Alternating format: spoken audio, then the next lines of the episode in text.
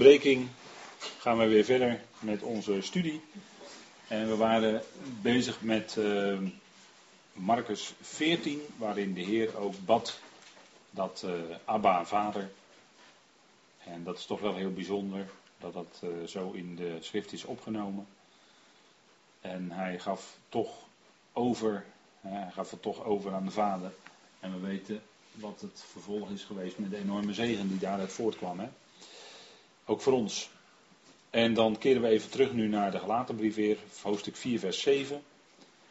En daar staat, hij heeft ons dus uh, vrijgekocht, hè, losgekocht, uit uh, welke vorm van slavernij dan ook. Is het niet onder de wet, dan is het toch in ieder geval zeker onder de zonde, want dat geldt echt voor iedereen. Maar dan zegt uh, Galaten 4, vers 7, zodat je niet langer slaaf bent, maar zoon. Dat is een enorme verandering en een enorme bevrijding. Hè? Geen slaaf meer, maar zoon. Voorheen in slavernij, in ieder geval onder de zonde. En eventueel ook onder de wet, en dat maakt het alleen nog maar erger. En als je vrijgekocht bent, dan ben je gesteld in de plaats, in de positie van zoon. En dan staat er ook wel weer iets bijzonders bij. Dat we zoon zijn is uh, fantastisch. Het is natuurlijk een vorm van beeldspraak, omdat het niet letterlijk waar is, maar het is een geestelijke waarheid. Dat we zonen zijn, dat is geestelijk. Indien echter zoon, dan ook lotgenieter van God door Christus. En dat is het bekende beeld van lotgenieter zijn. Dat weet u wel, daar hebben we de vorige keer bij stilgestaan, maar dat was lang geleden voor de vakantie. Hè? En een lotgenieter werd het lot geworpen in Israël. En dan viel een stuk land toe van het land Canaan aan een bepaalde familie en aan de stammen. Zo werd het land verdeeld door loting. En dan bepaalde de Heer waar het lot en hoe het lot viel. Dus een lotgenieter is iemand die een lotdeel, een lotsdeel ontving en daarvan ook geniet. Israël had het lotdeel genoot, eh, ontvangen van het land, was verdeeld onder de twaalf stammen. Als ik het even eenvoudig zeg, ga het niet te moeilijk maken nu. En daar genoten zij ook bij tijd en wijle van, van dat lotdeel wat hun was toebedeeld. En het lotdeel dat vererfde dan binnen de familie, vandaar dat het ook wel vertaald wordt met erfdeel. Maar lotdeel is betere vertaling omdat het oorspronkelijk door loting was toebedeeld. En wij, en dat is het beeld wat erachter zit, of dat is eigenlijk het uh, het stoffelijke, zeg maar, het tastbare in deze aarde, wat een beeld is van wat voor ons geldt in geestelijke zin. Wij hebben namelijk een lotdeel te midden van de hemelingen in de hemel. Ons domein is in de hemelen, zegt Paulus. Daar ligt ons gebied. Daar is ons lotdeel.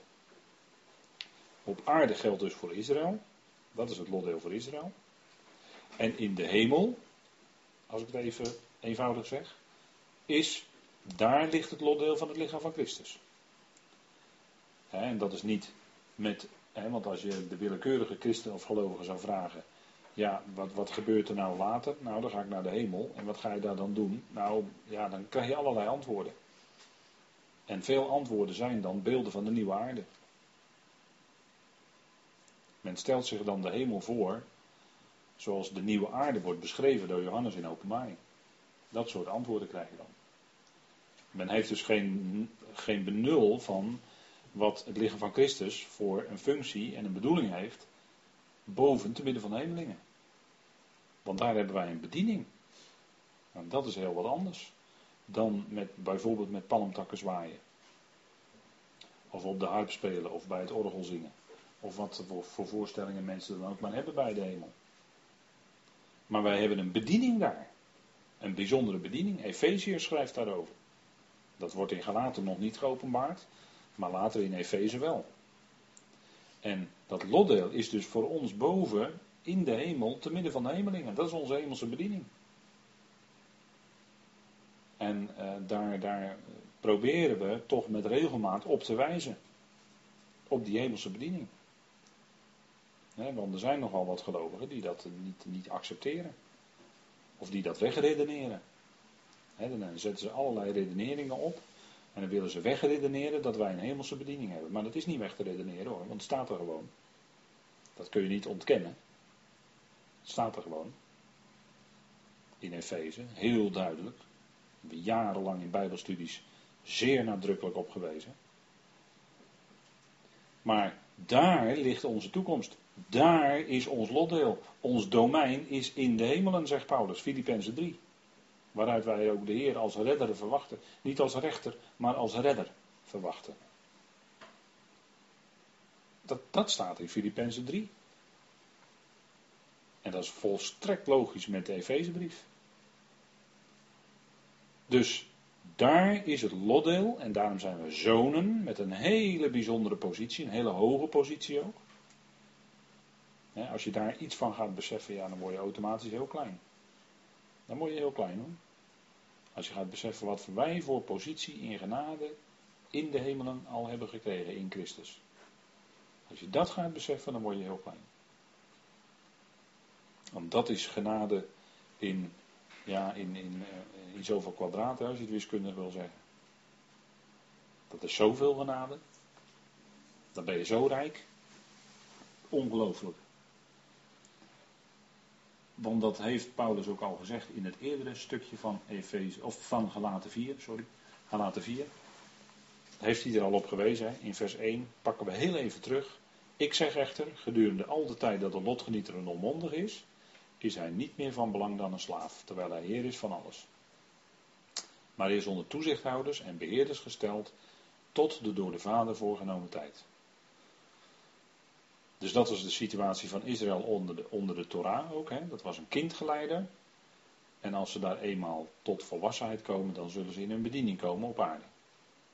Nou, zolang wij nog slaaf waren, even dan op ons weer toegepast, leden van het lichaam van Christus, zolang wij nog slaaf waren, waren we nog niet in de positie van zoon. Maar toen we losgekocht waren, vrijgekocht waren eenmaal, toen werden we gesteld in de positie van zoon. Ja, en dan zijn we ook niet meer slaaf. En dan zijn we ook niet meer onmondig. En het verdriet van Paulus was dat veel gelovigen zich gedroegen alsof ze nog onmondig waren. En ze waren zich niet bewust van hun geweldige positie in volwassenheid in Christus. Maar ze gedroegen zich in de praktijk als onmondigen, als kinderen. Leest u de Korinthebrieven maar. Leest u de Galatenbrief maar. Dan, dan zie je zo al die onmondigheid dat onmondige gedrag zie je zo geëtaleerd. Dan kun je het zo herkennen. En onmondigheid, ja, dan, dan wandel je ook naar het vlees, want dan ga je onderling ruzie maken. Dan ga je uh, elkaar allerlei uh, vervelende dingen, uh, nou, enzovoort, enzovoort, hè, waar de Corinthiërs mee bezig waren. Groepjes vormen. Niet Paulus willen volgen. Al dat soort dingen, is allemaal onmondigheid. Krijg je tegenspreken, weet je wel, tegenspreken. Murmureren heet dat in, uh, in het Oude Testament. Tegenspreken. En het woord voor tegenspreken is in plaats van zeggen. Dus dan wil jij in plaats van wat gezegd wordt, wil jij jouw gedachten zeggen. Dat betekent eigenlijk het woord tegenspreken. Nou, daar, daar waren de Israëlieten voortdurend mee bezig. En daar waren ze in Paulus dagen mee bezig. En wat is er voor gedrag? Nou, dat hoort bij de onmondigheid. Dat is eigenlijk uh, kindachtig gedrag. En dat is waar wij, hè, waar wij op worden gewezen. Dat zijn allemaal dingen van onmondigheid. Maar wij zijn volwassen zonen. En, en dan is het een groei dat je, daar, dat je dat, ook dat gedrag van een volwassen zoon gaat vertonen. Dat is natuurlijk groei, dat weet ik wel. Maar naarmate je weer die boodschap tot je neemt, ga je er ook in groeien. En ga je ook groeien tot volwassenheid. En, en, en hopelijk bewaar de Heer je dan voor meegaan of meegesleurd worden in dat gedrag van onmondigheid. En dan zegt Paulus, en we gaan heel even om even dat betoog duidelijk te zien. Hè. Zo waren ook wij, zegt hij, en let op dat woordje wij. Hè. Dus hij en zijn Joodse medegelovigen. Toen wij onmondigen waren onder de grondregels van de wereld, onder de grondbeginselen van de wereld tot slaaf gemaakt. Wat zijn die grondbeginselen van de wereld? dit heb ik de vorige keer ook gezegd, maar ik herhaal het even. Dat zijn alle wetten, rituelen en voorschriften over het doen en laten van de mensen. En dat is heel algemeen, dat geldt voor alle volkeren, dat geldt voor alle culturen. die hebben allemaal die grondregels, die grondbeginselen. Dat zijn allemaal wetten, regels die het leven reguleren. Hoe je je moet gedragen in je dagelijks leven. Wat je wel en niet mag, enzovoort, enzovoort, enzovoort. En dat is vaak verbonden met religie, dus ook met angst. Angst voor hogere machten, angst voor de demonen, angst voor noem maar op. Dat is dus een situatie van slavernij, geen vrijheid.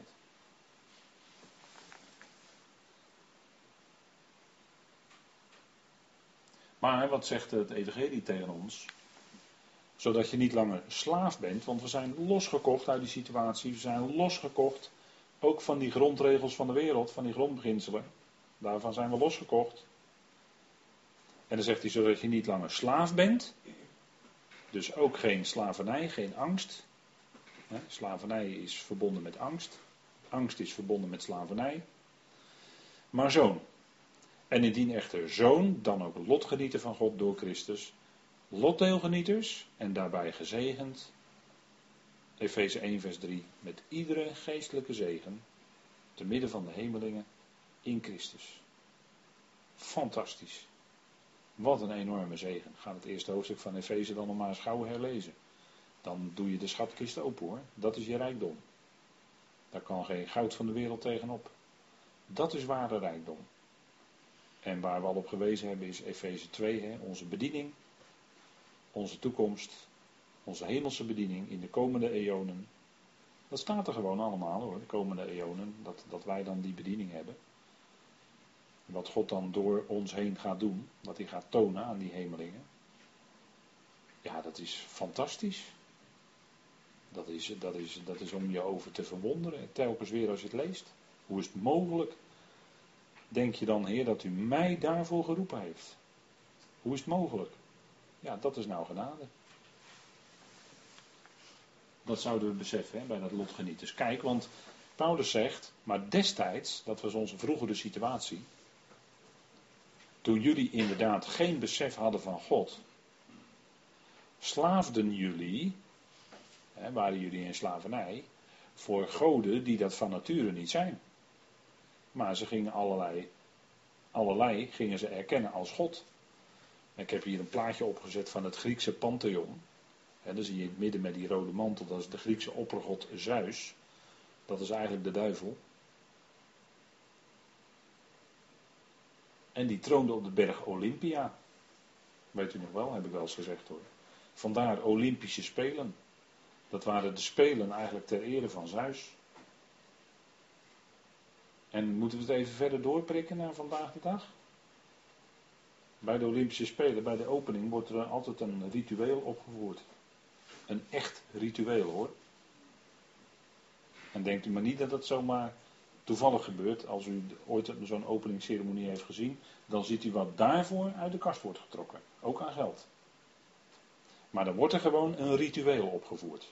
Als opening van Olympische Spelen. En dan denk ik van ja, er is niks nieuws onder de zon. Want vroeger zijn ooit de Olympische Spelen bij de berg Olympia, toen is het ooit begonnen. En dat was ter ere van Zeus. En Zeus was de oppergod van het Pantheon, en dat is de duivel.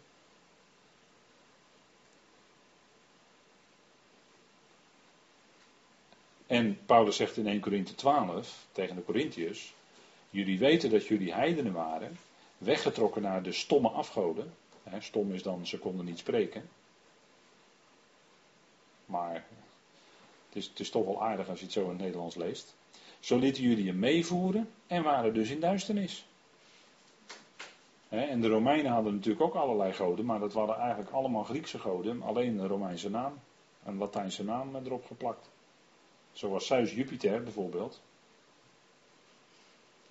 En zo kun je ze allemaal invullen. Je kunt ze allemaal, die hadden ze allemaal overgezet gewoon vanuit het Griekse naar de Romeinse godenwereld. Het waren gewoon allemaal dezelfde, alleen ze hadden andere namen. Eigenlijk heel saai, maar goed. Zij werden allemaal meegetrokken door die stomme afgoden. Er waren ook allerlei afgodentempels. En er werd dan vlees aan de afgoden. Er werd dan aan de afgoden geofferd. En dan waren de Corinthiërs die zaten met het offervlees, of je dat dan wel of niet mocht eten, want ja, het kwam toch uit een afgodentempel. Nou, zegt Paulus, wij herkennen die goden helemaal niet, dus je kan gewoon alles eten. En je moet geen navraag doen, maar dat is gewoon vlees wat daar, in die, wat, daar ligt, bij die toenmalige slager, dat heette toen vleeshal geloof ik. Nou, wat daar, alles wat daar te koop is, kan je gewoon kopen. Je moet geen navraag doen over het afgoden, het is gewoon vlees. En die afgoden, nou dat zijn nietsen, die herkennen wij niet. Hij zegt, ja, er zijn goden en heren in menigte, maar voor ons is er maar één God. En dat is de ware God.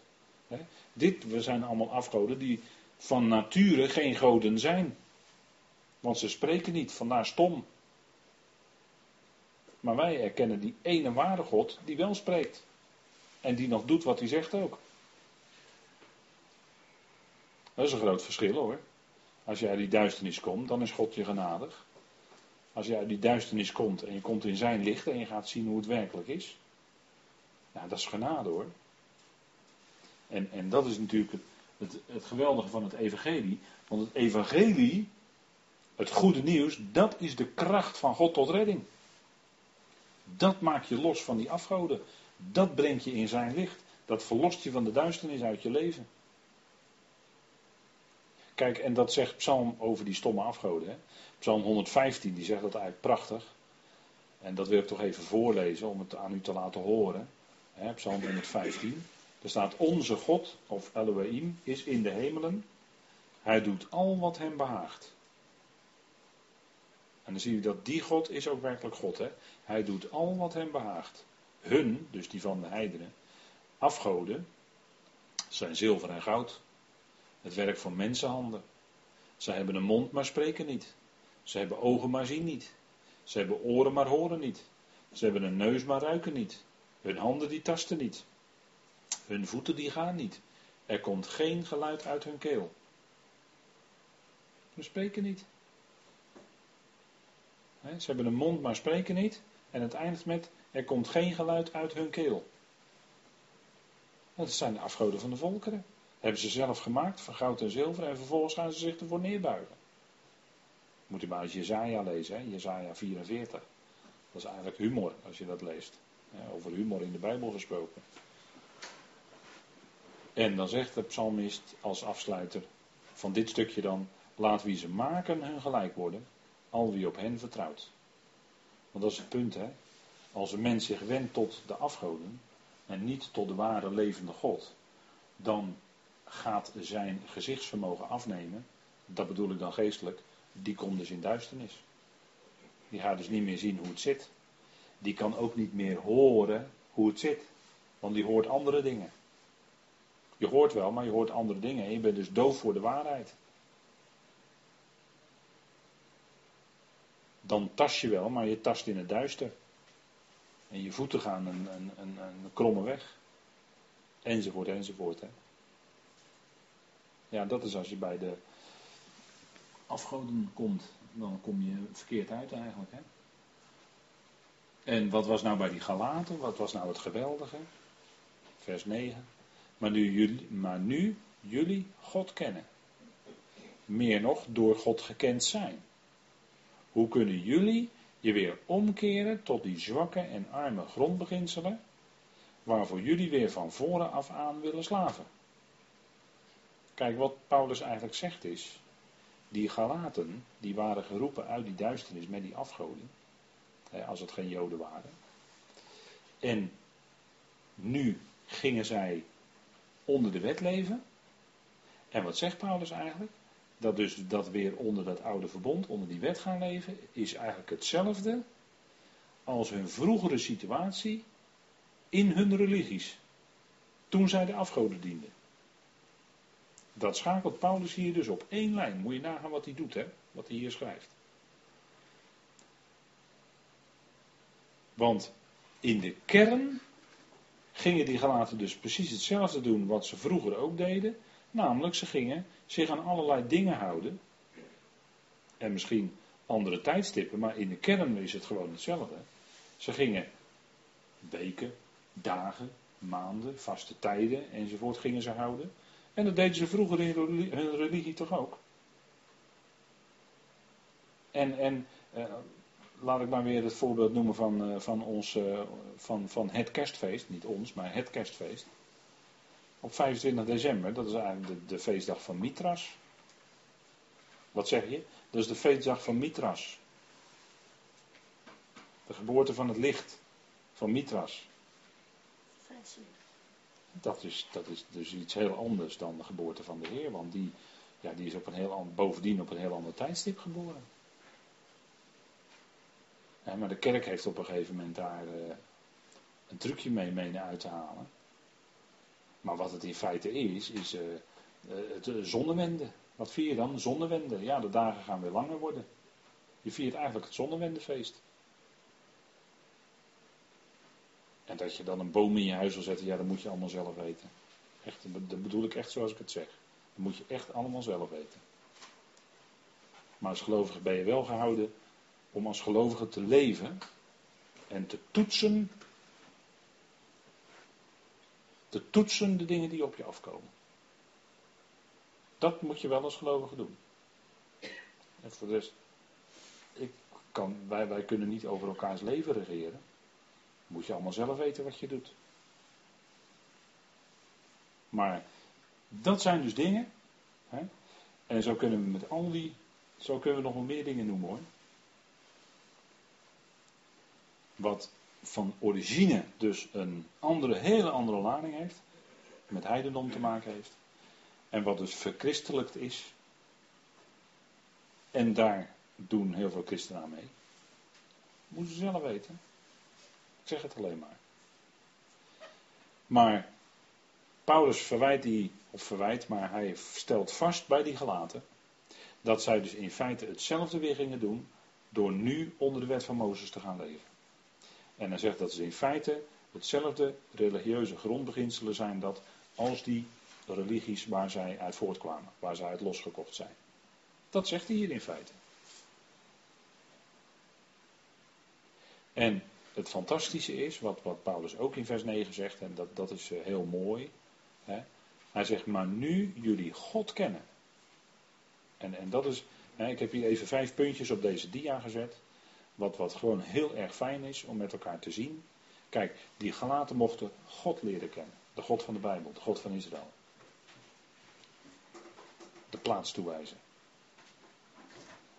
En, en, en het tweede is, wat, wat er dan ook aan vastzit, zij kennen Hem, zij kennen God nu in zijn liefde.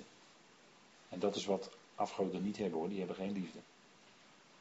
Dan is het allemaal, jij moet dit, en als je het niet doet, krijg je straf. Ik zeg het weer even heel versimpeld, maar zo werkt het wel in al die godsdiensten. Je moet wel iets doen, offertjes brengen, weet ik wat allemaal, en anders is het niet goed, dan krijg je straf. Of dan gaat het niet goed met je familie, of dan word je ziek, of weet ik wat allemaal.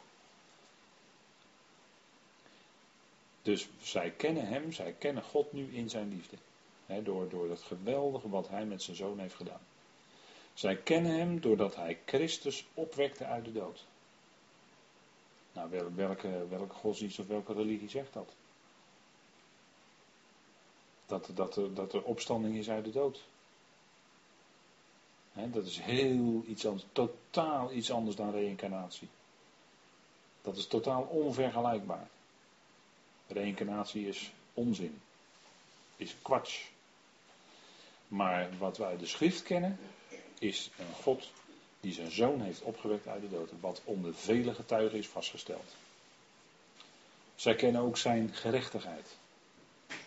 Zijn recht doen. Zijn gerechtigheid. De zonde is werkelijk weggedaan. Op, op, op een gerechtvaardigde basis. En ze weten, en dat zegt hij, en meer door God gekend zijn. Dat is het fantastische. Hè? Zij hadden God leren kennen. En het fantastische is, God kende hen ieder persoonlijk.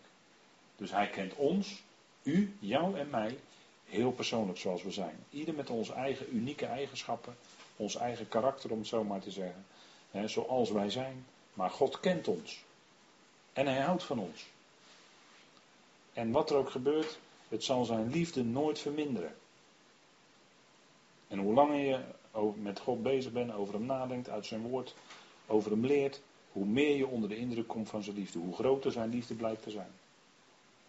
En hoe meer je ervaart met hem, ga je ook ontdekken hoe groot zijn liefde is. Nou, zij weten dat God hen kent.